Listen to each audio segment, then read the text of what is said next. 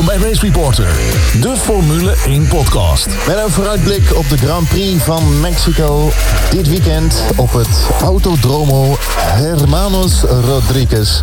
In 72 werd hij al gereden tot 1970. Later nog tussen 86 en 1992. En we zijn hier weer terug sinds 2015.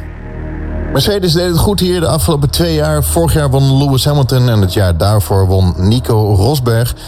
Vettel, Sebastian Vettel, die scoort hier nooit echt lekker. In 2015 kwalificeerde hij zich hier als derde, maar haalde de finish niet. Hij parkeerde hem in de banden. En vorig jaar kwalificeerde hij zich hier als zevende en hij werd vijfde. Grand Prix van Mexico, lang rechtstuk. De gemiddelde snelheid ligt hier rond de 196 km per uur. Hoogst gemeten snelheid staat op naam van Bottas, die reed 372,5 km per uur. Dat was in 2016 met een Williams en een Mercedes motor.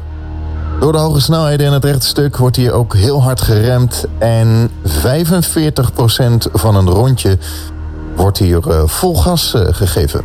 52 keer per ronde wordt er geschakeld over 17 bochten. De verwachting is dat de teams voor een eenstopper gaan dit weekend in Mexico. Race Reporter, de Formule 1 podcast. Racereporter.nl Er is een hoop gebeurd na de Grand Prix van Amerika. Natuurlijk werd er veel nagepraat over de actie van Max Verstappen... die als derde over de finish kwam. Echter, hij kreeg een tijdstraf van 5 seconden en werd als vierde geclasseerd. Enfin, Twitter ontplofte, iedereen had een mening en iedereen heeft zijn zegje gedaan. Uh, wedstrijdleiding werd bedreigd met de dood. Max Verstappen heeft zijn excuses aangeboden voor zijn taalgebruik. En uh, mensen als Niki Lauda, die uh, vonden het alleen maar een mooie actie van Max Verstappen... die binnendoor bij Kimi Räikkönen ging. In ieder geval, laten we niet te veel op terugkijken. Laten we vooral vooruitkijken op de aankomende Grand Prix in Mexico. Laten we even kort een aantal teams doornemen. Bijvoorbeeld McLaren, die uh, krijgt een uh, gridstraf aan hun broek voor beide rijders. Kans bestaat dat ze achteraan moeten gaan starten dit weekend vanwege een motorwissel. En het levert gridstraf op, ja. Alonso heeft uh, bekendgemaakt dat hij mee gaat doen aan de 24 uur van Daytona volgend jaar. Hij deed dit jaar al mee aan de Indy 500. Hij deed het opvallend goed, haalde echter de finish niet... Laten we dan eh, kijken naar Mercedes. Kampioen bij de constructeurs behaald tijdens de vorige Grand Prix in Amerika. Totaal dit jaar 11 overwinningen. Lewis Hamilton kan dit weekend wereldkampioen worden als hij in de top 5 finisht. Kans is dus erg groot aangezien Vettel hier nooit grote successen heeft behaald en Lewis Hamilton hier vorig jaar won. Maar in het verleden behaalde successen zijn geen garantie voor de toekomst. Want in 2007 had Hamilton wereldkampioen kunnen worden als hij in de laatste twee races vijfde zou worden. En dat werd hij niet. Dus het is nog niet gedaan. Kijk maar naar Ferrari. Heeft dit jaar maar vier keer gewonnen. Mercedes dus elf keer. Aan het begin van het seizoen zag het er veelbelovend uit met de overwinningen van Sebastian Vettel. Maar halverwege het seizoen kwam Mercedes weer dichterbij.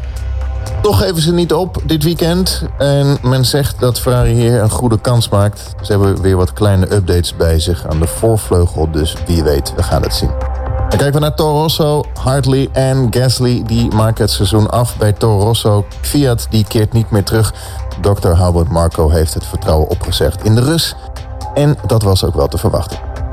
Red Bull Verstappen noemt Red Bull Racing het meest verbeterde team van 2017 is blij waar hij zit.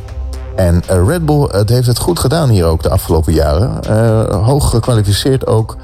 Dus de baan uh, ligt de Red Bulls wel. Kans is dus dat beide rijders, een van beide rijders wel op het podium komt dit weekend. Tenminste, dat is wel onze verwachting.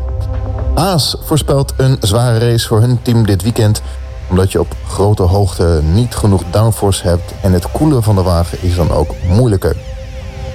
Dan natuurlijk de Home Grand Prix van de Mexicaan Sergio Perez.